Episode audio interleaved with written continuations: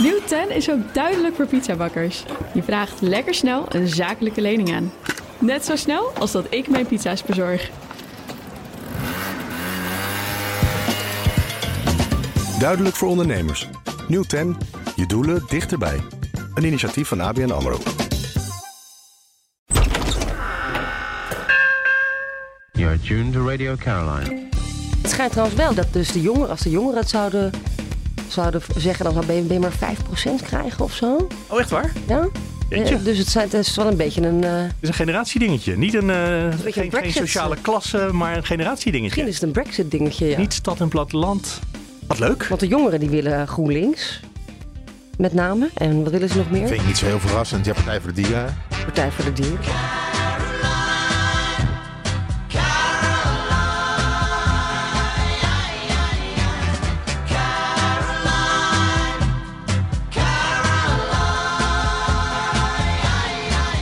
Leven we nog na deze week? Ja, zijn jullie een beetje bekomen van de schok en de schrik? Nou, ik ben niet heel erg geschrokken van de uitslag. Jawel. Het is natuurlijk wel... Dit is een revolutie. Het is echt een hele bijzondere uitslag. Maar dat BBB zou gaan winnen was natuurlijk geen, is geen verrassing. Maar Kan dit ook is uitleggen dat het geen wereldnieuws. revolutie is hoor, maar... eh, Farmers take over. Ja. Ieder- de hele- iedereen zit naar ons te kijken van de- wat, wat, ge- wat nu weer in Nederland? Na de brandende hooibalen, de boerenrevolutie. Ja, maar dat is dus zo grappig. Iedereen heeft het over boeren. Terwijl eh, ten eerste is de tweede naam in het woord burger. En bovendien, ook in steden heeft de boer-burgerbeweging het heel goed gedaan. Dus eh, de, de, de boeren hebben het overgenomen. Nou, dat, dat zullen we nog zien. Nee, je hebt helemaal gelijk. Tuurlijk. Het is een proteststem. Het gaat ook over Ook jou, jou en, eh, en mij. En het gaat ook over burgers. We worden niet gehoord. Radio Caroline News. Laat ik even zeggen dat dit eh, Studio Den Haag is. Van vrijdag 17 maart. Dat is eh, twee dagen na dus de revolutionaire verkiezingen. Waarin ook niks is veranderd. Want de rechts is even groot gebleven. Links is even groot gebleven. En de middenpartij is nog weer even groot gebleven. Eh, Maar toch ook weer niet. Ik zie het, Leendert. Jij wilde daarop reageren. Ja, jij moet het nog voorstellen. Want volgens mij gingen we daar naartoe, of niet? Leender Beekman. Ja, Sophie van Leeuwen en Mark Beekhuis.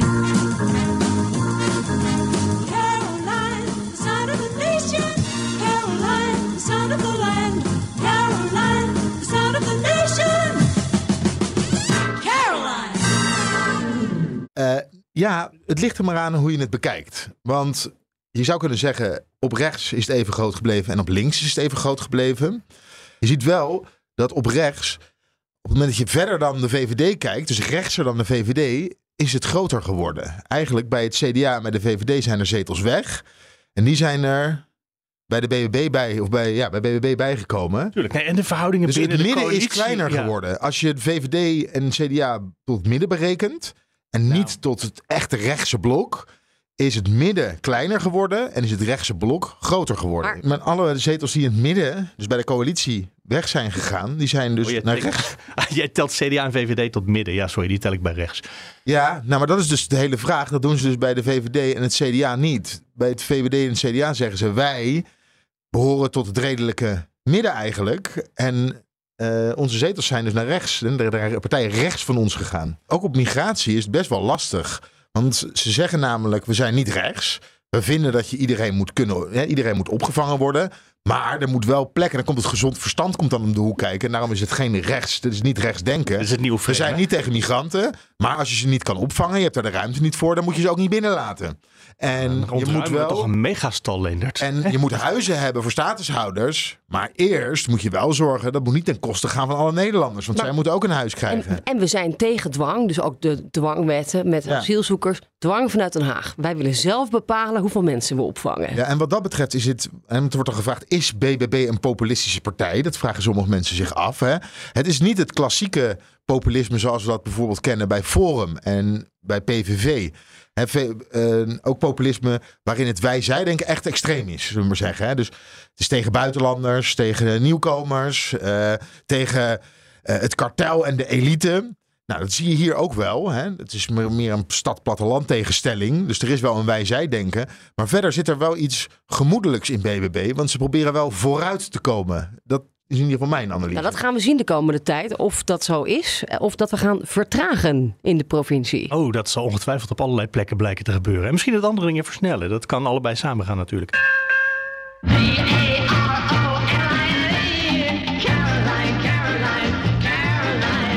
Heel even naar een debat wat gisteren in de Tweede Kamer was. Want jullie waren natuurlijk bezig met het eh, formeren in al die provincies. Zoals alle politieke journalisten in Den Haag. Maar er werd gisteren eh, vergaderd over de wet open overheid. En eh, nou, als er één ding zeker is, is in de afgelopen twaalf jaar onder Mark Rutte is de, open, oh, is de overheid helemaal niet open geworden. Die is alleen steeds geheimzinniger geworden. Behalve dat we dan de beslisnota's tegenwoordig mogen meelezen. Waarom wil je dit laten horen? Want dit Omdat gaat over... hier Pieter Omtzigt aan het woord kwam. En die gaf een verklaring waarom iedereen nu eh, voor BBB heeft gestemd. En zo kort door de bocht mag je het misschien wel zeggen. Voorzitter, dank u wel. De wet open overheid is van cruciaal belang voor het functioneren van de democratie. Als stukken niet openbaar gemaakt worden, wanneer burgers of anderen daarom vragen, en niet kunnen herleiden hoe besluiten genomen zijn, dan kijken we naar een rare staat aan. En een staat die wetten indient dat elke transactie van meer dan 100 euro openbaar gemaakt moet worden. Die wetten indient met sleepnetten, waardoor ze een jaar lang de telefoongegevens moeten bewaren. Maar die tegelijkertijd niet wil vertellen wat de ministers doen, waar ze lobbyen of welke stukken ze gemaakt hebben. Die denkt dat de ministers de burgers van het land moeten controleren, in plaats dat de burgers en de Kamerleden van dit land de ministers kunnen controleren. Het niet functioneren van de WO in artikel 68 is een grondoorzaak van het wantrouwen van veel mensen in het functioneren van de politiek. Eigenlijk de oude bestuurscultuur, om maar even een, eh, een term van eh, de vorige verkiezingen erbij te halen, is volgens Pieter Omtzigt de reden dat iedereen zo verschrikkelijk veel wantrouwen heeft dat ze bij de traditionele partijen weggelopen zijn en dus naar eh, die nieuwe hoopvolle boer-burgerbeweging. Ja, er wordt dus over ons bestuurd Ja. en, en, en wij worden niet gehoord. Ze wij vertrouw- kunnen, Zij vertrouwen ons niet, wij moeten hun maar wel vertrouwen en dat, dat is een mismatch. ja, Is, is dit een verklaring dat mensen daardoor misschien weglopen bij de traditionele partijen? Nou, ik denk dat het een van de twee verklaringen is, hè, inderdaad. We hebben ook heel vaak in debatten gezien, onder andere rondom de sms'jes, maar ook tijdens corona rondom de besluitvorming, dat daar heel veel onvrede over eh, was en nog steeds is in de samenleving. Ehm, Ja. Een andere verklaring is het slachtofferschap. En er zijn van het kabinet heeft daadwerkelijk, de kabinetten Rutte, slachtoffers hebben zij gemaakt. Dan hebben we het natuurlijk over de toeslagenaffaire. Dan heb je het bijvoorbeeld ook over Groningen. En dat zijn echt oprechte slachtoffers van het beleid. Maar daar hebben mensen zich bij aangesloten die al langer, veel langer ontevreden zijn. Dus dat kan je al vanaf de LPF, kan je dat eigenlijk zien. Misschien al veel langer. D66 moeten we niet vergeten, is ook echt als een partij opgericht. En Ja, zij tegen waren het partijkartel bijna. Dat tegen heette het- toen nog niet als zo. Je, maar als ja. je leest de eerste pamfletten van D66 gaat het over we moeten wakker worden, we moeten de elite moeten we eh, van, eh, van het plus afduwen. Dat is, dat is dezelfde taal zoals wat in het begin, zeg ik hierbij, voordat ik in het begin bij Forum hoorde. Ja. ja. Eh, en de boeren zijn natuurlijk ook slachtoffer van beleid, ondanks dat het Ja, logisch is. De je- boeren hebben zo goed voor zichzelf gelobbyd al die jaren dat ze ook wel zelf verantwoordelijk zijn geworden van het beleid wat ze over zich hebben afgeroepen. Oké. Ze dachten altijd, we kunnen al dat stikstofbeleid kunnen we voor ons uit blijven schuiven. Dat is 30 jaar gelukt, misschien 40 jaar. Daar is het een keer eindig, omdat de rechter nu zegt, ja, dan kunnen we geen huizen bouwen. Ja, maar goed, de, de, de- als er hier nu iemand van BBB zou zitten, en ook bij de Partij voor de Dieren hoor je dat. Ze zeggen boeren zijn bijvoorbeeld ook het slachtoffer geworden van banken. Hè? En ze hebben hem gedwongen om eigenlijk die bedrijven groter te maken. Ja. En dus dat is nog een hele nee, grote discussie. klopt. Ik wou het even in de politiek houden, want de Maar- banken, dat is natuurlijk Maar het kabinet soort. heeft heel veel slachtoffers gemaakt. Ja. En er is een deel van Nederland eh, voelt zich ook achtergesteld en sluit zich daarbij aan. En BBB heeft volgens mij spreken ze precies de juiste taal om, eh, om, om hen te bereiken. Ja, en er is natuurlijk een bestuurlijke crisis hè, in Den Haag. Want van alles loopt vast. De uitvoering, hè, dus ook woningmarkt, stikstofbeleid. Eh, Er zijn niet eens genoeg poppetjes en kennis op de ministeries, ook, ook als het gaat om stikstof. Dus Nederland loopt vast en, en de burger zit, heeft het gevoel van, hè, ik zit hier klem. Eh, Er wordt, die trein, die Haagse trein, die rijdt dwars over me heen. En dat komt ook omdat in Den Haag wordt er geen verantwoordelijkheid genomen. Oké, Rutte 3 is gevallen eh, vanwege het eh, eh, toeslagenschandaal.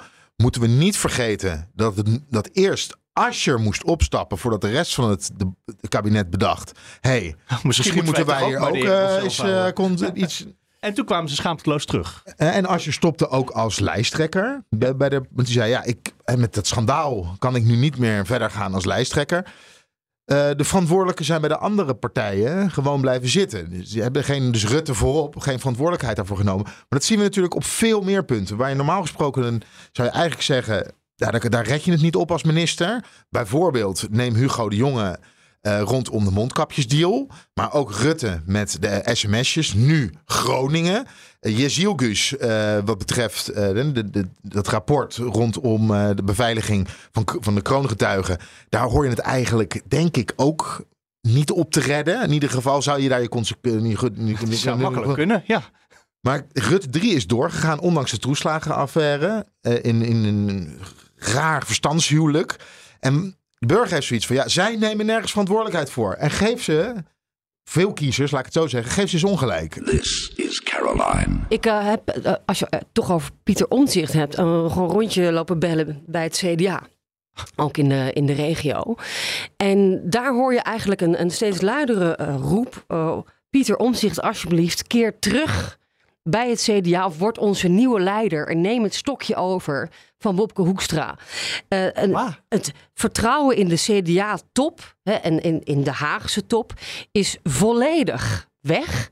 En eh, na deze uitslag eh, ja, lijkt het dus moeilijk voor Wopke Hoekstra om, eh, om, de, om aan de macht te blijven. De, heel, steeds meer mensen willen hem weg hebben. Je hoort het ook al bij de CDA-jongeren. Die man is een consultant. Die staat niet voor het CDA-verhaal. En die heeft al zeker geen, geen feeling met de regio. Het enige wat er nog overeind is van de partij... dat zijn dus de, de lokale besturen. Dat is het, het enige wat nog, eh, ja, wat nog Er is een soort functioneert. scheuring binnen het CDA tussen landelijk en regionaal, wat jij beschrijft. Dit, ja, dit klinkt als een scheuring en een, en een opstand. Eh, vrijdagavond, dus dat is vanavond, is er eh, overleg met het CDA-bestuur. Komen ook mensen uit de regio, denk ik, praten, Ja, Leonard? zeker, zeker komen mensen uit de regio komen daar praten. Dat is een overleg tussen de partijtop en onder andere, en er is gisteren ook al mee gesproken, maar de lijsttrekkers uit de verschillende provincies. Ja, er is een hoop onvrede. Ja, en maar dan is... Pia zegt Pieter Omtzigt en het CDA. Maar de man is volgens mij niet eens meer lid van die partij. Hij is er toch uitgezet? Nee, en, maar er is dus een, een roep en er komen brieven binnen van laat die man alsjeblieft het stokje overnemen en, en terug, terugkomen. Want hij is iemand die wel verbonden is met die regio, die dat begrijpt, die dat uitstraalt. Ehm, eh, en en ja, Bob Hoekstra, dat zit er gewoon niet in. Maar laten we even what if history doen. Eh, stel, ja. eh, want Omzicht verloor het nipt van Hugo de Jonge bij de lijsttrekkerscampagne. uit het rapport na de verkiezingen. Wat is er misgegaan bij onze, Ja. vanuit CDA eh, bij de verkiezingen. Hè? Waarom hebben we zo'n grote- verkiezingen. in- ja, bij de, hebben ze ook gezegd, dit hadden we niet moeten doen. Eh, maar stel dat, dat Pieter Omzicht het was geworden. Eh, dan had het CDA ook geen, bij de verkiezingen geen last gehad van die verschrikkelijk verlopen keuze voor de lijsttrekker. Dan had je die rare wissel tussen Hugo de Jonge en Bob Hoekstra niet gehad. Dan had je ook het hele functie elders. Pieter Omzicht niet gehad. En dan moet je je vragen, afvragen waar had het CDA dan nu gestaan? Het is natuurlijk wel zo dat functie elders heeft eh, Pieter Omtzigt tot een soort mythische proporties natuurlijk eh, verheven. Daardoor is hij eh, de, ja, een soort van held geworden voor heel veel mensen. Een slachtoffer, een rebel. Ja, hè, iemand die terzijde is geschoven. Dus kijk, stel je voor dat hij wil overwegen om, om terug te keren. Dan kan de- deze geschiedenis hem heel groot maken. Wil die dat? Kijk, eh, ik heb nog, nog steeds niks gehoord over zijn eigen partij.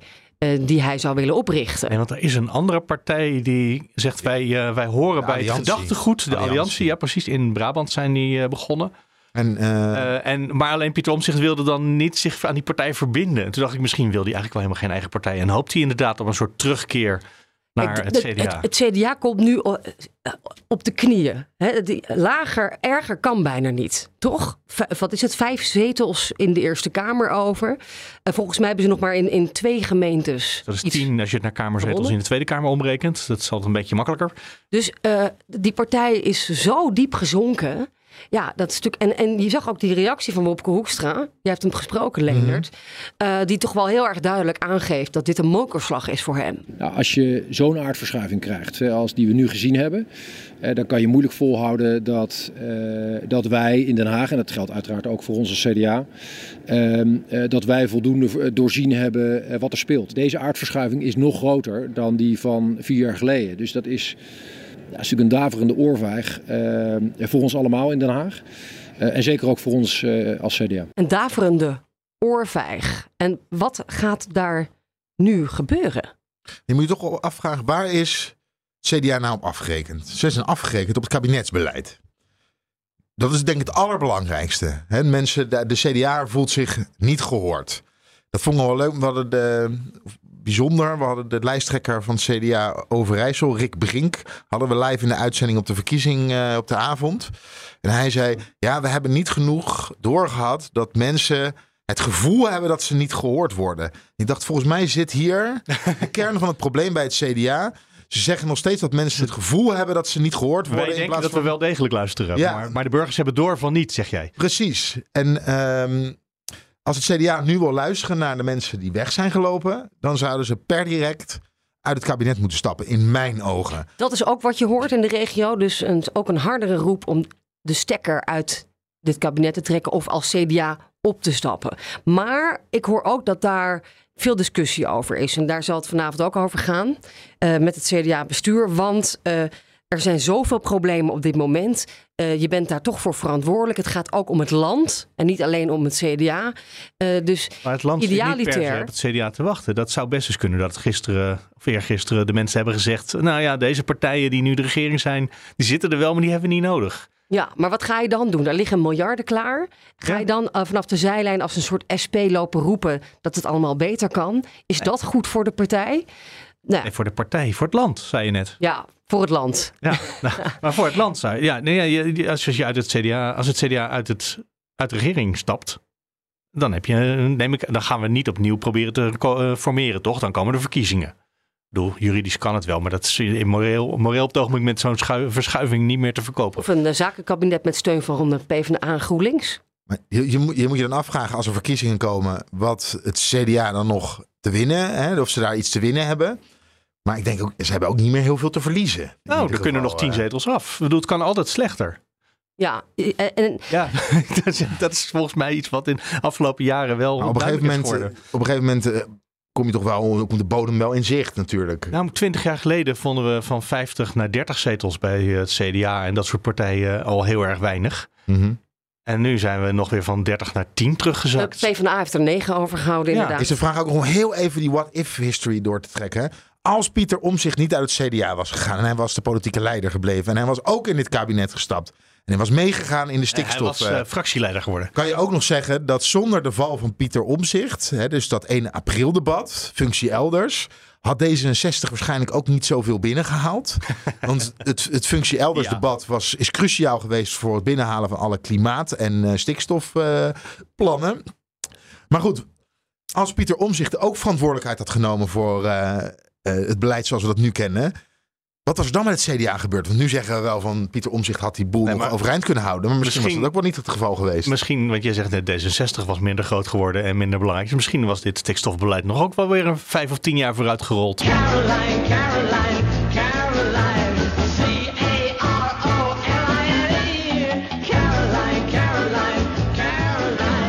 Dan moet je toch even weer naar D66. Eh, grote irritatie eh, in de wandelgangen bij het CDA. Over eh, de campagne van D66 die tot op de dag van vandaag doorgaat. Hè, We hebben een inhoudelijke campagne gevoerd, omdat we echt geloven in die boodschap. Niet dat het een ja, makkelijke boodschap is, maar wij zitten ook gewoon in het bestuur en we nemen verantwoordelijkheid om te zeggen, nou dit is er noodzakelijk om te doen. Eh, en daar staan we nog steeds achter natuurlijk. heldere afspraken in het coalitieakkoord. Eh, is D66 bereid om water bij de wijn te doen? Dus dat, mocht dat nodig zijn? We hebben gewoon inhoudelijk gekeken van wat is er nodig. En we hebben daar afspraken over gemaakt en, en daar blijven we ook eh, bij. Ja, Tjert de Groot van D66. 2030 stikstof halveren en wij willen geen vertraging. Dat heeft het CDA kapot gemaakt en BBB heel erg groot. En volledig logisch, hè? want als ze dit niet hadden binnengehaald, waren ze niet in deze regering gaan zitten. Ja, en ik heb ook achter de schermen signalen gehoord dat er een bericht, tenminste dat, dat D66'ers al aan de VVD en het CDA op de verkiezingsavond hebben laten horen. Wij houden vast aan het stikstofbeleid. Nou, Verwacht niet dat wij zegt, weer... eh, ja. Ja, maar dan Dus- krijg je dus het probleem, gaat het CDA eruit stappen? Als zij zo doorgaan op deze voet. Nou, en dan ook achter de schermen bij het CDA, in ieder geval eh, in Den Haag, hoor ik dan, ja, eh, maar uiteindelijk moeten we met elkaar verder inderdaad. En is D66 een partij van redelijke mensen, hoorde ik eh, achter de schermen. En zij zullen zich op een gegeven moment ook beseffen dat als je deze lijn blijft volgen, dat je ook je zin niet krijgt. Hè? Als het kabinet valt, krijgt D66 ook niet Nee, maar als ze hun zin niet krijgen, dan is D66 als een stand verplicht om uit de regering te stappen en zeggen: sorry, dan, eh, dan wilden we niet in deze coalitie zitten. Ja. Ja, dat is dus nu de grote Dus, vraag. we maken er een soort Boekenstein in de wijk vandaag van. We eindigen bij een kernoorlog. Nou ja, ik had het net al met mijn What If History. Dat ik eigenlijk twee tegenovergestelde dingen vertel. En als je dan ook naar de Eerste Kamer kijkt. Je kan linksom of je kan rechtsom. Rechts zou echt zeggen van ja, wij gaan niet mee met het stikstofbeleid. Dus we gaan daar ook echt niet mee instemmen. En links gaat zeggen ja, het, moet, het gaat eigenlijk nog niet ver genoeg. Dus we moeten het doordrukken. En voor beide stellingen krijg je binnen de coalitie geen... Krijg je de handen niet op elkaar. Ja, dus wat, wat gaan we doen? Wat gaat er gebeuren? Dat is echt een heel erg spannende. We moeten nog even misschien een gokje erop wagen dan. Ja, ik, heb al met jou gegokt. Ja, dat, ja, of het Ja. kabinet dit jaar zou Je, je vallen. fles wijn terugwinnen.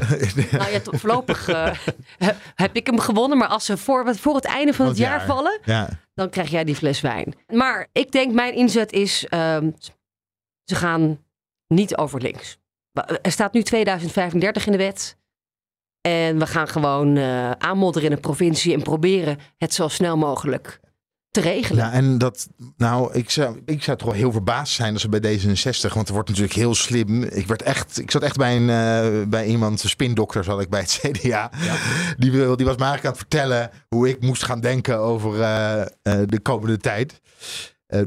Maar zij gaan, spinning, ja, nee, Ja, ja, en hoe moet jij erover gaan denken over de toekomst van het Nou CDA? ja, bij, bij D66, nou niet alleen maar meer over het stikstofbeleid. Ze zullen zich daar op een gegeven moment bij tijd, ze zullen zich wel gaan bezinnen. Het zijn redelijke mensen en ehm, D66 kan het ook niet verkopen dat ze de stekker uit hun eigen plannen trekken. Alleen maar omdat ze geen centimeter willen toegeven.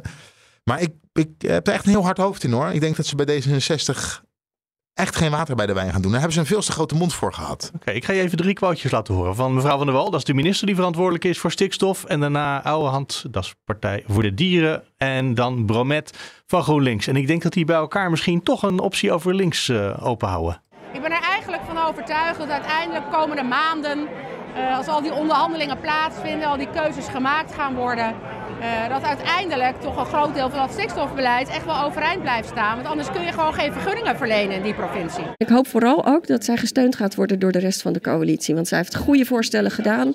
Ze heeft grote moed getoond om uit te leggen dat eh, de natuur echt in heel slechte staat is. En dat we niet verder komen als we weg blijven lopen voor die keuzes. Eh, maar de plannen moeten wel fundamenteler. We moeten veel sneller naar natuurherstel. We moeten veel beter de boeren gaan helpen om om te schakelen naar duurzame landbouw. We moeten het ook eerlijk doen, want anders krijg je geen draagvlak. 2030 is al te laat. Er zullen nog steeds hele pijnlijke beslissingen genomen moeten worden. Het stikstofbeleid is geen politieke keuze, maar dat is het uitvloeisel van een uitspraak van de rechter. En we leven in een rechtsstaat. Dus iedereen die denkt dat nu alles anders wordt, eh, ja, eh, ik denk het niet. Oké, voor we verder gaan met stikstof, heel even. Wij zouden trouwens vandaag een groot interview hebben gehad met mevrouw Van der Wal. Onze stikstofminister. Wat echt een fascinerende timing zou zijn als dat eh, vandaag gelukt had. Behalve dan, we zouden het gisteravond opnemen. En toen was ineens het bewindsliedenoverleg. Wat eh, langer zou gaan duren. Dat is elke donderdag en uiteraard was het eh, ja, toch ook een beetje crisisoverleg, denk Nou, ik dat, hoor. ik gisteren. zeggen, dat zegt iets over de crisissfeer die ook in het kabinet gevoeld wordt. Ja, en ook de manier waarop het ging. Want ik maakte me natuurlijk al zorgen. Na de uitslag dacht ik... Hey, zou ze wel willen. eh, wij hebben daar weken aan getrokken om Van der Wal uiteindelijk... Eerst zou ze voor de verkiezingen komen. Daarna, daarna. hebben wij nog gesproken, willen we dat eigenlijk wel? Nou, ik heb te jou nog eh, gisteren, eh, gaat het nog door? Gaat ja, het ja. nog door? Het gaat door. Ik had contact gehad met de woordvoerder. Hij zei het wordt wel wat later, want dat voor overleg eh, dat gaat uitlopen. En uiteindelijk hielden ze er rekening mee dat het echt heel erg uit ging lopen. En Ja, op een gegeven nou, moment maar. werd ik gebeld. Ja, het gaat heel erg. Sorry, Leen, het gaat echt heel erg uitlopen. Ik zei, nou ja, wij wachten wel. En die, nou, Eh, het gaat zo erg uitlopen dat daarna ook geen podcast meer opgenomen wordt. En vanochtend kon het ook niet. Nee, vanmorgen is het vrijdagochtend, dus dan is de ministerraad. Ja. Maar Leonard, j- jij bent de man van de provincie, hè? daar heb je ook gewerkt. Ja. Eh, eh, Oké, ik heb een oplossing. Gaat, gaat, ik denk dat CDA gaat inzetten op een compromis. Eh, stikstofwet aanpassen. 2032 bijvoorbeeld. Of 31 uiteindelijk in het compromis. D66 onderhandelen. Ehm, en, en iets meer ruimte creëren. Om, om uiteindelijk zo samen door één deur dat stikstofbeleid te kunnen uitvoeren. Eh, dat is ook wat je in de provincie hoort. We hebben meer tijd nodig, toch? En je zit daar met VVD en CDA. En die willen dit lokaal ook. En dan kun je misschien met z'n allen Dan kan Wopke Hoekstra Hè, nog blijven, waar je zeggen. er toch, uit, toch uitkomen. Ja, ik dat vind- zou een, een- ja, voor Wopke Hoekstra... eh, hij, Of moet iets sowieso gaan, te laat? hij moet iets gaan binnenslepen nou, Ja. voor zijn partij. Nou, An- wat- Anders is het verloren. Maar wat de gemene deler is, en dat, dat hoor ik ook zowel bij BBB als bij D66 als bij het CDA, is dat iedereen zegt: laten we nu eens gaan beginnen. Dus laten we nou eens. Er komt zo meteen een, eh, een regeling voor de piekbelasters, dat is vanuit het Rijk. En de provincies moeten aan de slag met ehm, het landelijk gebied. Dus dan gaan we boer vrijwillig uitkopen, verplaatsen of de bedrijfsvoering laten veranderen. Eh, en ook bij D66, we be- het feit dat er niet begonnen wordt, is het grootste probleem. Dus het kan ook zo zijn dat die hele wet, hè, de aanpassing van 2030 naar 2035, eh, dat dat bijvoorbeeld weggeschoven wordt naar het eerste eikmoment. Eh, en om te kijken hoe ver zijn we eigenlijk al. Uitstellen. Uitstellen. Dat zou eventueel kunnen. Want het allerbelangrijkste, en alle partijen willen dat we nu gaan beginnen. Dus dat er geld naar de provincies gaat. Zodat zij kunnen gaan beginnen met het uitkopen van boeren die vrijwillig uitgekocht Voor willen die wet moet er ook een meerderheid komen. Nog. Voor, voor die Ja, maar die geld. zal er wel zijn, toch? Dit is Ja. het vrijwillig uitkopen. Daar is iedereen. eh, Ja, dat ligt er een beetje aan waar. Van der Wal mee gaat komen zometeen. En eh, wat BBB dan wil zien, is dat er geen dwingend instrumentarium in het beleid komt te staan. Dus gruwelijk jargon is. Dwingend instrumentarium. ja, Maar dwingend instrumentarium, nee, dat is het dus Onder niet. andere. Onder andere, maar dat is zo belangrijk. Want dat is bij BBB in, toch wel in de campagne gebeurd. Is dat dat verplichtend instrumentarium gelijk is gaan staan aan boeren gedwongen uitkopen. En dat werkt toch niet. Maar je hebt veel meer middelen. Je zou ook bijvoorbeeld kunnen kijken naar het eh, belasten van uitstoot. Ja, je kan de dus- maximum uitstoot per vierkante meter kan je verlagen. Ja, dus dat kan je ook stapsgewijs kan je dat in de komende jaren kan je dat in gaan voeren. Eh, je kan kijken naar boeren die zich echt helemaal niet, of bedrijven die zich echt helemaal niet aan de stikstofvergunning houden. Want ze hebben vaak wel een vergunning. Dus dat echt, om gewoon echt om vergunning in te gaan trekken. Eh, dat is anders dan onteigenen. En dat is he- echt heel onaantrekkelijk voor een boer. Want dan die vergunning is namelijk heel veel waard. Ja. Die kan je ook Dus dus die vergunning ben je dan gewoon kwijt. Die ben je kwijt. En eh, dat gaat is echt veel sneller. Het is moeilijker om je er tegen te verzetten. ja, dus voordat je gaat onteigenen, heb je veel meer middelen, dwingend instrumentarium. Ja, om maar dat boeren- onteigenen, dat klonk lekker eh, in de Ja. verkiezingscampagne. En dat is aangeslagen dat dat een slecht idee is. Ja, de dus- BBB-kiezers. Ehm, dat verplicht instrumentarium zou onteigenen uit moeten. En je moet iets met, zoals Sofie voorstelt, je moet iets met 2030. Dus ofwel 2032 ervan maken, of dat nog even, hè, dat ze dat nog even voor zich uitschuiven. Maar wat betekent dat voor onze bouwopgave? Is, komen we dan niet eh, helemaal klem te zitten? Dat is al Nou, deels we hadden natuurlijk zo. eh, Peter Boehouwer in de uitzending. Op eh, woensdagavond. Op woensdagavond. eh, hoogleraar eh, bouwen, zullen we maar even zeggen. En we zagen dat ook al, dat hebben we vorige week besproken bij het CPB-rapport. Waarbij ze door hadden gerekend wat eh, is de impact nou eigenlijk van de stikstofcrisis op de bouw. Die is op dit moment, op dit moment nog heel klein, omdat er veel meer problemen zijn in de bouw. Onder andere vergunningverlening gewoon vanuit provincie en gemeente om überhaupt te gaan bouwen. Dus een eh, omgevingsvisie vanuit de provincie of eh, de bouwvergunningen vanuit de gemeente. Die duren zo lang dat er voorlopig stikstof het kleinste probleem is. Maar ooit moet je stikstofruimte gaan creëren. En op heel veel plekken heb je helemaal geen probleem met stikstof. Bijvoorbeeld in Noord-Holland, in Amsterdam kan je gewoon rustig bouwen. Hmm. In Den Haag is dat anders, in het duingebied. Ehm, maar het lijkt nu het, minst, dat vertelde hij ook, het is nu op dit moment even het minst grote probleem Ja. waar de bouwwereld Maar mee te maken dit heeft. verhaal, nou dit verhaal, jij denkt nog steeds dat het kabinet voor het einde van het jaar gaat vallen. Ja, Ja? Jij blijft bij je fles wijn. Oké. ja. Ja, hebben we niet het eh, begin van het einde van Mark Rutte ook gezien deze week? Ja, dat ik bedoel, is, die is- zichzelf tegenover de linkse wolk positioneerde. Maar ten eerste verloor van die linkse wolk. En ten tweede ook echt verloor in kiezersaantallen. Dat is eigenlijk onderbelicht gebleven. Deed hij zelf ook heel slim door te zeggen van... Hè, we hadden op, wat is het, meer, dit is minder winst dan we hadden gehoopt. Ja. Of iets dergelijks. En het was helemaal geen winst. Het was twee zetels inleveren. Het was, het, ze zijn, eh, 12 als, je, naar 10. als je PvdA GroenLinks hè, als één partij ziet in de, in de Eerste Kamer... dan is VVD dus de derde partij Ja. van het land geworden. Maar PvdA en GroenLinks hebben ook verloren, hè? Moeten we hier ook bij vertellen. Ze doen wel alsof ze een overwinning hebben behaald. Maar ze hebben verloren. Ja, maar, maar in ieder geval, hij is ingemaakt. En niet een beetje ook, maar... Help me even herinneren, want hoe zit als je het even in de Eerste Kamer of uh, omrekent naar Tweede Kamerzetels mag ook. eh, hoe, waar stonden PvdA GroenLinks samen en waar staan ze nu samen? En ze hebben er nu nog 15, maar dat kunnen er ook 14 worden. Ja, en ze hadden? Eh, Ze hebben er nu 14. Ze, hadden er ook, ze, ze hebben er nu 14, ja. Oké, ze hebben dus, er nu maar- 14. dus het kan, Maar kan 15 worden Ja. of het kan 14 blijven. Ja. Dus dat is toch niet echt verlies dan? Nou, maar je moet kijken, omdat het heeft wel met die kiesdelen. Het is ongelooflijk ingewikkeld. Maar als je gewoon kijkt, ja, als je kijkt naar percentages, hebben ze verloren. Oké, maar niet La- zoveel dat het zetels scheelt. Nee, het zijn, eh, het zijn, ik- kleine, het zijn kleine verliezen. Maar een, En een VVD'ers overwinning hoef je niet te zijn- vieren. Maar iedereen, dus iedereen, het was voor heel veel partijen wel heel lastig om het te spinnen naar een overwinning. Overigens, eh, in tegenstelling tot vorige week, vorig jaar bij de, provinciale, bij de gemeenteraadsverkiezingen. Maar bij partijen van de Arbeid GroenLinks zeiden ze eigenlijk: ja, dit is een nieuw begin. En ehm, we hadden GroenLinks bijvoorbeeld, we hadden zoveel gewonnen vier jaar geleden. Dat eh, ja, dit is echt een over, dit voelt als een overwinning. Ja, dat we dit smaakt hebben. naar meer, zei Klaver. Ja, zeker. Deze samenwerking smaakt absoluut naar meer. Dat betekent bij de volgende Tweede Kamerverkiezingen precies wat er nu gebeurd is. is een gezamenlijke lijst. Nou, eh, wat mij betreft werken we ook samen richting die Tweede Kamerverkiezingen. Maar op welke wijze we dat gaan doen, dat gaan we de komende tijd bekijken. De komende tijd, misschien heeft u die tijd wel helemaal niet. Nou, de, de komende tijd kan eh, heel lang zijn, maar ook heel kort zijn. Daar zijn we ons van bewust. Eh, dit kabinet is er niet stabieler op geworden. Deze verkiezingen is ook een afrekening geweest voor, eh, voor het kabinet. Dus ik hoop dat ze ervoor kiezen om eh, de koers te verleggen. Ja, en over de stabiliteit van het kabinet. We hebben ook nog Van der Wal. Hè? En op het moment dat zometeen de provinciale afdelingen van vooral de VVD tegen het beleid van Van der Wal ingaan en gaan formeren hè, met BBB, besturen gaan vormen met BBB en zich mogelijk gaan verzetten, is het maar de vraag ja, hoe lang Van der Wal dat gaat accepteren. Misschien in één provincie nog wel. Eh, maar BBB kan in de provincies ook eigenlijk alleen maar met de VVD, het CDA. Eh, want ja, Maar met Partij voor Dieren en GroenLinks zullen ze niet ehm, in een eh, provinciebestuur gaan zitten. Dan kan toch de VVD uiteindelijk, nee niet de VVD, dan kan toch de minister uiteindelijk overroelen wat er in de provincie gebeurt. Dus ze hoeft toch helemaal niks te accepteren? Nou, dat kan ze dus niet, want Sophie ook al zei. ze heeft, het staat nog niet, 2035 staat nog in de wet. En zolang het nog niet aangepast is.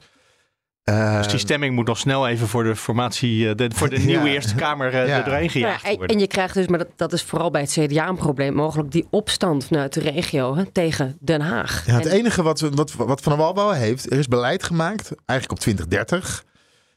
Maar ze heeft er een zak geld bij. En de provincies willen aan de slag, wat we net al zeiden, met het uit, vrijwillig uitkopen van, eh, van bedrijven.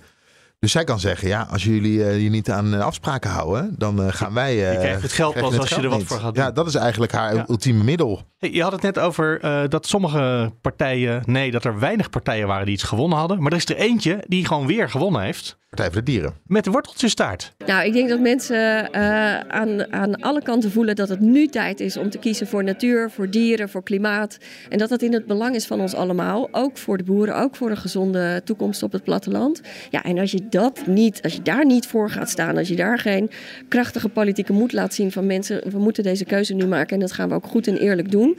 Dan zie je dat eh, partijen die zich daartegen verzetten gaan winnen. Dus ja, ik, ik, ik snap dat wel. Ja, we hadden woensdagavond een eh, Studio Den Haag live uitzending. En daarin kwam ook een vraag van een luisteraar. Hoe lukt het toch die Partij voor de Dieren? Of hoe duiden jullie dat? Dat die zo ongezien, want ze zijn helemaal niet zo vaak in de media. Het is geen Caroline van der Plas aanwezigheid, zal ik maar zeggen. Maar wel elke keer een klein beetje groeien. Ja, En, en het is deze keer dus ook weer gelukt. Wat, wat is dat? nou, ik, ik denk, zij hebben natuurlijk al heel lang dat verhaal eh ge- hè, Consistentie. gekondigd. Ja, heel consistent. Over natuur, over stikstof. Ook eh, de pandemie, hè, de, de zoonose, hebben ze eigenlijk voorspeld. Niemand die daar naar luistert, behalve een kleine achterban bij de Partij voor de Dieren. En nou je het zegt, ik kan me van twee jaar geleden of zo, nou het moet iets langer geleden zijn, want corona was er denk ik nog net niet. Dat ze, ze wilden het over zoonose hebben. En dat er een risico was op een pandemie. En dat toen de minister die daar stond, ik ben echt vergeten wie het was, misschien was het zelfs wel Mark Rutte, zei: Sorry, ik weet niet precies waar u het over heeft. Wat zo is dat? onnoze. Waar, ja, waar, waar moeten we het over hebben dan? Ja, dus zij hebben een soort van, een, hè, zo verkopen ze dat ook, een soort Profetisch. ja. eh, eh, campagne gehad. En ja, ik, ik- je moet ze achteraf toch misschien ook een beetje, beetje gelijk geven. Zeker ook als, als we naar de pandemie kijken. En dat zou misschien we waren kunnen slaan. allemaal verrast. Terwijl we- Consistent en, En er- profetisch. En er lagen rapporten en we waren gewaarschuwd, hè, maar eh, er waren niet genoeg IC-bedden. En de Partij van de Dieren rie- riep het al jaren. Nou, daar worden ze denk ik eh, voor beloond door... eh, Of zijn dit misschien ook teleurgestelde, verkies- Ja. teleurgestelde kiezers, maar dan andere dan de boer-burgerbeweging? Ja, gewoon, het gaat niet snel genoeg. Hè, als we kijken naar het klimaat. Kan niet langer wachten, zoals ze dan zeggen. Veel jongeren vinden dat ook. En denken dan, ja, nou, bij Partij van de Arbeid en GroenLinks, eh, D66. Ze zeggen het wel, maar echte hardliners zijn ze niet. We gaan nu echt een tegenstem laten horen op het gebied van klimaat. Ja, en ook daar, hè, want je, je moet natuurlijk compromissen sluiten in de politiek. Dat heeft de Partij voor de Dieren nog nooit hoeven doen. Hoewel ze wel in een aantal gemeentes al mee besturen. Onder andere dus de gemeente Arnhem. Ehm, ja, het is natuurlijk ook de progressieve stem. Niet alleen BBB wint, maar ook heel veel mensen hebben progressief gestemd. Volt, twee zetels in de Senaat. Ehm, nou ja, je Die ziet- zaten daar nog niet in, denk ik. Hè? Bestonden ze al de vorige keer? Nee, nog niet. eh, denk nee, ik. voor het eerst eh, in alle bestuurslagen zijn ze super trots op. Ja, het is, het is een kleine groep, maar dat, dat is ook weer, denk ik, de jongeren en de mensen die verder willen gaan dan, net als de Partij voor de Dieren, dan P- PvdA en GroenLinks tot nu toe eh, hebben gepresteerd. Laten we het ook nog heel even hebben over, toch nog even over BBB en de grote opgave waar ze nu voor staan.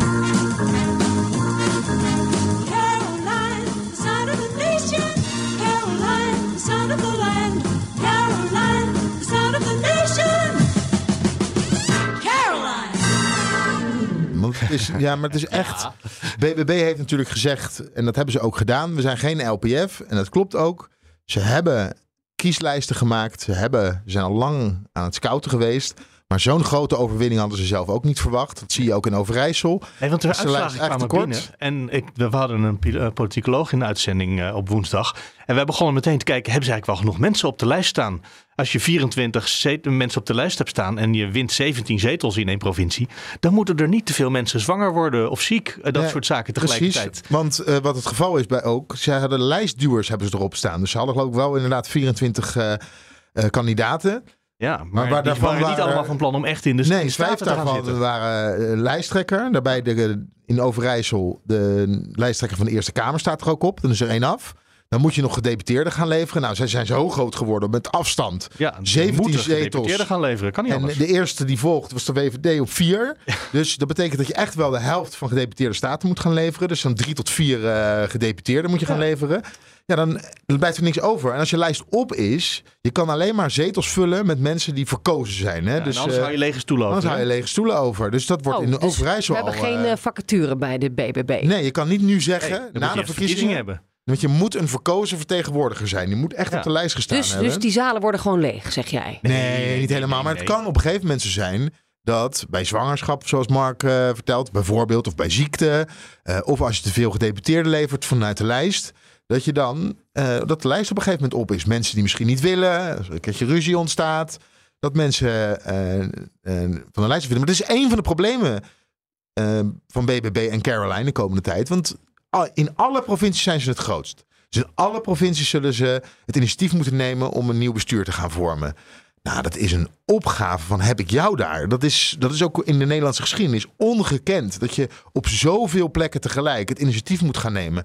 En dat zal de partijtop zal dat Ja. toch moeten gaan overzien. En nu... Het leven van mevrouw Van der Plas is echt veranderd van eh, woensdag op donderdag. Hè? Je zag die, ook- die moet ineens heel de wereld brandjes gaan blussen en partijen bij elkaar gaan houden en dat soort Maar zaken. je zag, en dat vertelt ze ook in elk interview, het ongeloof en eigenlijk het, het- ze wil het besef van, oh jee, we zijn de grootste. Ja. Eigenlijk ook wel de schrik. Dat, dat straalde er, schrik, dat, precies. dat, dat straalde, dat straalde er wel vanaf. En het is, echt, eh, het is echt een hele moeilijke opgave. Want wij kennen Caroline vanuit de wandelgangen. En we kennen Caroline erg goed. En mensen vragen waarom is Caroline zo vaak op zender? Nou, omdat je er heel vaak tegenkomt. Ze is bij heel veel debatten. Ze is heel benaderbaar. En dat is ook prettig voor een journalist. Hè? Ze Dat wil je- altijd, ze doet mee. Ze doet mee. Ze heeft ook zo'n systeem. Ik- Ja, het- ik weet niet, misschien doen heel veel mensen dat. Maar eh, de appjes die ze krijgt, die beantwoordt ze als ze in haar auto zit. Van Holt naar Her en naar de regio. Eh, die, die spreekt ze gewoon. Eh, eh, die antwoorden spreekt ze in. Ja. En dus ook, ik krijg een appje die door haar is ingesproken. En dan, e- ze reageert overal op. En heel erg snel. Maar ja, straks krijg je dus. eh, hoeveel, honderd keer zoveel appjes per dag, denk ik, Ja, van nou, ik- al die provincies. Ik had er nog wel even gefeliciteerd met de overwinning. Krijg je een Eh, antwoord? Ik heb een antwoord gekregen, maar dit waar? keer... Normaal krijg ik heel snel een antwoord, zoals Sofie vertelt. Maar dit keer was het echt eh, een, eh, nou wat was het, een, een, eh, een halve dag later of zo. Dat vind ik nog wel knap dat ze dat voor elkaar heeft gekregen. maar Caroline, ik- ik Caroline wil nog staat... even- nou, ja, maar dat vind ik wel moeilijke nog... aan het- ja, ja. maar dat is wel echt heel erg belangrijk. Want Caroline kennen we dus vanuit die wandelgangen als de benaderba- een benaderbare politicus. Ja, dat moet veranderen. Alles wordt voor haar geregeld. En zometeen is dat niet meer het geval. Ze zal ook veel de komende tijd niet meer zo vaak bij debatten kunnen zijn. Want ze zal toch echt gesprekken moeten gaan voeren met... Ja, of daar komen adjudanten voor die dat namens haar gaan doen. Zeg maar de Sofie Hermansen van de VVD. Maar ze zal ook op... En ze is nu vooral benaderbaar voor de Kamerwerk. Ja. Voor de journalisten. Maar ze zal tijd vrij moeten gaan maken de komende tijd. Om, ook te reageren ja. op partijperikelen. Goed en eh, niet goed. Want eh, dat, eh, als er een nieuw, het eerste nieuwe college dat gevormd wordt... zou Caroline weer ergens moeten gaan zitten. Hè, al is het maar bij de regionale omroep. Ehm, maar Caroline leven gaat echt fundamenteel veranderen de komende tijd. Ja, eh, ik wil zometeen een, eh, een confrontatie van jou van afgelopen woensdag met de lijsttrekker in eh, Overijssel even laten horen. En in het kader van de gebalanceerde verslaggeving eerst even Caroline van der Plas zelf met haar overwinningsspeech.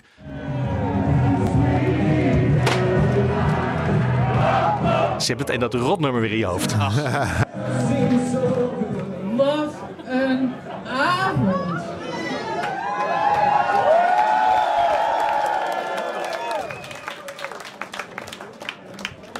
Wat de fuck is hier gebeurd? Dit is echt niet Ja, ik zei al, het is niet normaal, maar het is wel normaal. Want wij zijn allemaal normale mensen. En al die mensen die op ons hebben gestemd zijn allemaal normale burgers. Normale burgers. Het zijn mensen die niet veel vragen. Mensen die gemangeld worden door de overheid. Boeren die bang zijn voor hun voortbestaan op de plek waar zij soms generaties leven, wonen en werken. Die al jaren vragen of de overheid naar ze luistert. Of de regering naar ze luistert. En die niet gezien en gehoord zijn. Die zich niet serieus gevoeld hebben, genomen gevoeld hebben. En die mensen, die zijn vandaag naar de stembus gegaan. En normaal gesproken, als mensen geen vertrouwen meer hebben in de politiek, dan blijven ze thuis. En vandaag hebben ze laten zien dat ze niet meer thuis willen blijven. Ze willen hun stem laten horen. Als je dit nou hoort, word je dan al meteen eh, nostalgisch eh, van de uil van Minerva speech? Nee. Je denkt, vroeger was alles beter? Ik heb hier zo van genoten. En ik vond het ook echt een feest eh, van de democratie. En veel mensen komen stemmen. Ik, eh, ik werd eigenlijk ook heel erg blij van, van de sfeer in het land deze week. Want Maar- we hebben het al, al twee jaar of zo over eh, het vertrouwen in de politiek. En eh, eh, het gaat niet meer. Mensen eh, geloven niet meer in, in de politiek. En dit is dan zo'n moment dat heel veel mensen zich gehoord voelen via, hè, via deze mevrouw. En dat vind ik toch mooi. En we moeten maar zien wat er, wat er van terecht komt allemaal. Heel benieuwd hoe lang de vlaggen overeind blijven. Maar hè, de, de, hè, het ging over afgehaakt Nederland. En me- mensen zijn gaan stemmen en hebben van zich laten horen. En dat is gewoon. Maar ze zegt, Belangrijk. Caroline zegt, we worden niet gehoord. Ik ben ook niet gehoord. In ieder geval in politiek Den Haag en niet serieus genomen. Nou is de kritiek de afgelopen tijd in ieder geval op de media geweest. We hebben Caroline veel te veel een podium gegeven. Mijn, ik ben dan ook van mening dat het geluid van Caroline... en als zij het geluid van de gewone man... die niet gehoord wordt in ieder geval vertolkt... hebben we de, het geluid van de gewone man ruimschoots laten horen. In ieder geval in de, in de media. Zei Caroline van der Plas dat zij niet gehoord was? Oh, in Den Haag. Den, in Den Haag. Maar, Ja, daar kan ik me bij voorstellen, En de mensen, de niet mensen worden niet gehoord. Maar de problemen in Nederland, volgens mij is dat. Is dat eh, De problemen worden niet opgelost. de problemen Dat worden niet opgelost, dat is het probleem. Maar de pro- we weten prima welke problemen er in Nederland spelen. Maar daarom is het is ook een bestuurderscrisis. Ja. Het Nederland een uitvoeringscrisis. En, en als jouw probleem niet wordt opgelost en je zegt ik haal het einde van de maand niet en ik heb nog steeds geen betaalbaar huis, ja, dan voel je je misschien niet gehoord. Maar dat heeft toch met die politieke verantwoordelijkheid te maken waar we het al eerder over gehad hebben. En ook weer rondom Groningen. Eh, we hebben vorige week een wonderlijke eh, persconferentie met Mark Rutte gehad. Waarin hij terugkeek op de persconferentie twee weken daarvoor. Had hij niet zo goed gedaan, want hij was moe. Ja, want hij was moe en, dat, en hij had niet goed gereageerd de dag dat het rapport over Groningen uitkwam op het rapport over Groningen. Hij bood zich daar, daar zijn excuses voor aan. En toen we vervolgens dan gingen vragen van, eh, ja, eh, maar wat vindt u er dan van? Toen wilde hij er weer niks over zeggen en was weer precies hetzelfde liedje. Dus waar hij nou uiteindelijk, uiteindelijk excuses voor aangeboden heeft, dat is totaal onduidelijk gebleven. En hij neemt nog steeds geen verantwoordelijkheid voor wat er in Groningen is gebeurd. En wil daar ook nog geen verantwoordelijkheid voor afleggen. En dat zien we dus heel vaak in Den Haag. En ik heb het rijtje net al opgenoemd. Maar we, we hebben echt met een kabinet te maken. Die mensen zijn met geen stok weg te slaan. Er, er, er kan nog zoveel fout gaan. Maar ze gaan echt niet weg. dat is ik zo? Jij ik moet ga- erom lachen. Maar ik ga, is toch zo? nou ja, ik denk dus ik ga die weddenschap toch winnen. Ja, wie weet, waar, ja. wie weet. En toch, en toch, ik moest ineens denken aan een aflevering van Doctor Who, een Britse science fiction serie. Bring down your government with a single word. You're the most remarkable man I've ever met. But I don't think you're quite capable of that. No, you're right. Not a single word. Just six. I don't think so. Six words. Stop it. Six. Waarin een begroep met een premier helemaal in de problemen komt en die wordt gered door Doctor Who, want zo hoort het. Eh, maar die eh, moet ook wel het veld ruimen. En dan fluistert de dokter in het oor van de beveiliger van de premier. Don't you think she looks tired? Denk je niet dat ze er vermoeid uitziet? What did he say? well, nothing really. What did he say? I, I, nothing. I don't know. Doctor! Doctor, what did you what was that? What did he say? En dat is het moment dat alles klaar is. Als politicus mag je niet moe zijn. Oh, dat is een teken dus. Zeg. Een heel mooi eh, teken. Ja, precies. Nou ja, nog even inderdaad, want dat, dat onderbelichte verhaal, de nederlaag van Mark Rutte, ja, daar moeten we toch wel even bij stilstaan. Dat eh, hij een enorme klap heeft gekregen. En eh dat is niet de eerste keer dat hij verkiezingen verliest. Hè. Dat was Nee, bij het is Europa ook niet de eerste keer dat hij het overleeft. en met Baudet. Maar dit is wel, denk ik, de hardste klap tot nu toe. Dat je alle provincies kwijtraakt. Jij mag hem weer interviewen, hè? Vanmiddag. Nou, Ik hoop dat zeggen- er is. persconferentie? Nou, eh, wat zal ik hem vragen? Kom maar op. Gaan we even over nadenken. Eh, over nadenken terwijl we even iets terughalen van afgelopen woensdag. Eh Leendert, jij had eh, in de uitzending, zat jij tegenover de lijsttrekker, ik ben even haar naam kwijt, eh, van eh, Overijssel, Boerburgerbeweging. Jij bent de naam ook kwijt, dat vind ik mooi. Dan gaan we dit aan het einde erachteraan zeggen, terwijl we even googelen. En daar merk je ook meteen dat eh, politiek gewoon dat het wel een vak is. De minister, Christiane van der Wal, die feliciteerde BBB natuurlijk. En die zei, nou, ik had het misschien ook wel verwacht. Ehm, ik hoop wel dat BBB de verantwoordelijkheid gaat nemen voor dat stikstofdossier. Dat ze bereid zijn tot onderhandelen. Ja, wat zou uw antwoord zijn? Nou, ik hoop dat de minister ook bereid is om te onderhandelen. En, en waar... Dan komen we er vast wel uit met Ja, elkaar. want, want Leendert... Nee, maar dan vraag ik me wel af, eh, wat bedoelt u met eh, onderhandelen van, eh, van de minister? Wat, bedoelt de minister ermee Nee, maar, dan? wat, nee, maar wat, goed, vanuit het kabinet is het beleid natuurlijk gewoon duidelijk. Ja. Het staat ook in het, eh, in het eh, regeerakkoord staat het. Er, liggen nu, eh, er ligt een, voorst- een wetsvoorstel om, ligt ervoor om de wet aan te passen. Hè, de stikstofdoelen 35 naar eh, 2030. Vanuit de overheid is het vrij duidelijk. In, op 1 april wordt het nog veel duidelijker. Dus de vraag is eigenlijk, wat wilt u dan van de minister zometeen? Ik denk dat de kiezer eh, duidelijk heeft gesproken vandaag wat eh, de kiezer wil. En eh, ik denk dat we maar eens even moeten gaan kijken hoe we, hoe we dit gaan doen. Ja, de kiezer heeft gesproken. Ja, En nu is het aan u. Dus daarom vraag ik op de verkiezingsavond aan u. Want u heeft Ja. gewonnen. Gefeliciteerd nog daarmee. dank u Maar wel. ik vraag aan u, wat wilt u dan van de minister? Want u wil met haar gaan onderhandelen, zegt u. Nou, de minister vraagt, vraagt zich af of wij willen onderhandelen. Nou, ze hoopt dat. Ja. Oh, dat Ja. hoopt Ja. ze. Ja. Nou, wij willen zeer zeker eh, onderhandelen. Ja. Ja, maar dan Wij- vraag ik me nog, ik ga nog één keer aan u, u, want u bent toch gelijk echte politicus geworden vanavond. Nee hoor, eh. helemaal niet. Want ik ga nog een keer de vraag aan u stellen. Ja. U wilt met de minister onderhandelen, maar waarover wilt u dan onderhandelen? Wilt u over gedwongen uitkopen onderhandelen? Wilt u over 2030 onderhandelen? Nou, wij houden ons sowieso aan de wet. Nou, de, ja, de wet is 2035. Oké, nou dan hoeven we daar dus niet over te onderhandelen. Dat, Nou, dat, ligt mag er natuurlijk aan zijn. wat er in, eh, in de Tweede en Eerste Kamer ja, gaat gebeuren. wat, nou, ik heb wel een idee wat er in de Eerste Kamer gaat gebeuren. Ja, dan? goed. Dat is, eh, Oké, nou, dus die wet die, die komt er niet door. Nou goed, maar blijf me vragen, waar wilt u over onderhandelen? Nou, ik denk dat we met elkaar eens eh, moeten gaan kijken hoe we eh, de natuur gaan ehm, verbeteren in Nederland als die natuur nog niet goed is. Dus we gaan eerst kijken van hoe is het nou met de natuur? En dan gaan we eens kijken eh, hoe, we, hoe de inwoners van Overijssel, want daar hebben we het over, hoe die kunnen bijdragen aan, eh, aan alle maatschappelijke opgaves. En ik denk dat er een heleboel kan, in Overijssel zeker. Dus ik denk dat we daar wel uitkomen. Moet ik hem nog een keer stellen, de vraag? Want dat u heeft nu namelijk gezegd wat u, wat u wil. En ik vroeg, hoe gaat u onderhandelen met de minister? Waarop wilt u Nee, onderhandelen? Ik, ik antwoordde alleen, want u zegt de minister hoopt dat wij willen onderhandelen. En dan geef ik als antwoord, ja, wij willen onderhandelen. En misschien wil de minister ook onderhandelen. Je hebt het best gedaan, Leendert. Ja, goed gedaan. Hoe heet ze ook weer, zei je? Carla Evers. Carla Evers, ja natuurlijk, van de Boerburgerbeweging in eh, Overijssel. Ja, en ik maar hoorde- je, je merkt hoe moeilijk het is om geïnterviewd te worden en dan meteen ook antwoorden te hebben. En dit gaat natuurlijk allemaal misverstanden opleveren, dit soort gesprekken. Ja, want op het moment dat je dus met Van der Wal gaat zitten, moet je wel heel duidelijk weten, hè, eh, wat willen we nou eigenlijk? Hè? Ik denk dat er heel veel mogelijk is. Ik denk dat er heel veel mogelijk Ja, is. ja, ja, en dat sterk Ja. nog, dat is wat Remkes ook zei. Want die zei niet alles kan overal. Dat betekent dat er heel veel mogelijk is. Wat ik ook opvallend vind, is Ja. eh, dat deze, wat BBB uit Overijssel hè, Mhm. zegt, eh, we gaan eerst even kijken hoe het met de natuur gaat. Want daar is ook een is wel enorme... geweest wel, toch? Nou ja, maar misschien niet volgens de BBB. Toch? Hoe, wat, waar, hoe meet je dat dan? Krijgen we die discussie dan weer op tafel? Ja, natuurlijk krijgen we die discussie weer op tafel. Ja, maar het gaat helemaal niet zo slecht met de natuur. Hoe, ja, want nou, bewijs dat dan maar. Is een beetje, er zit KDW-waarde. Ja. Dus dat kan nog wel een hoog gedoe opleveren.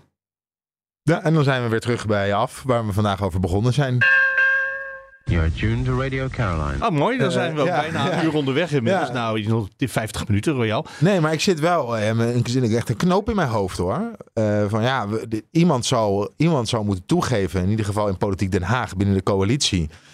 Eh, en eh, de VVD, want ik zei net al over Van der Wal. eh, hoe lang zit Van der Wal daar op het moment dat ze te veel tegenstand vanuit de provincie gaat krijgen? En zeker provinciebesturen die gevormd gaan worden met haar eigen partij.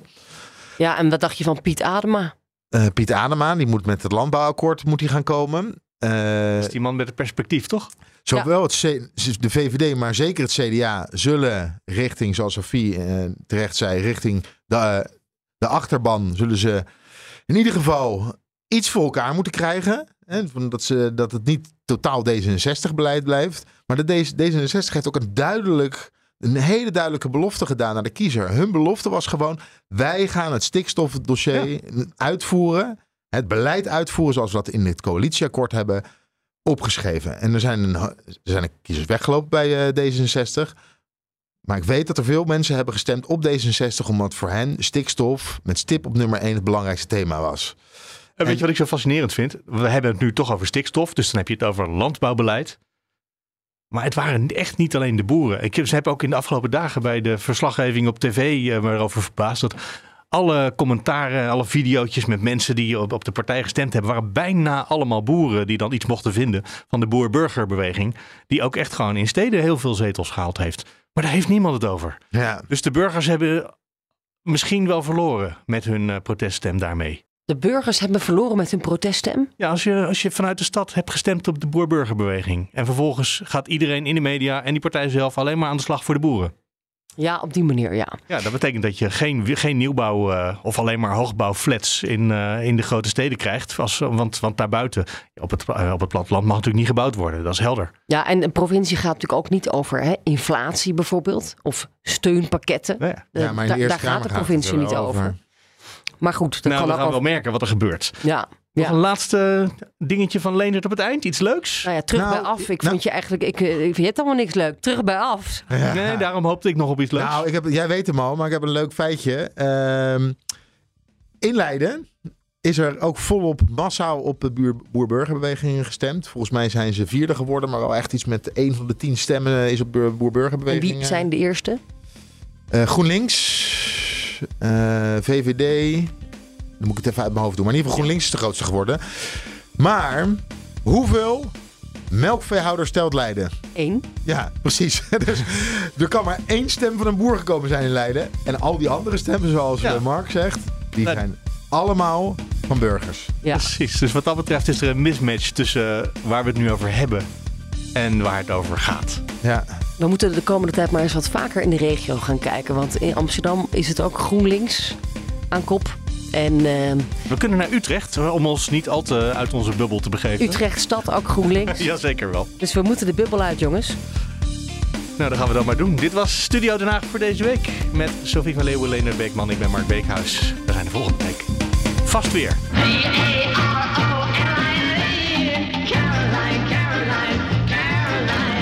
Het kabinet er dan nog zitten?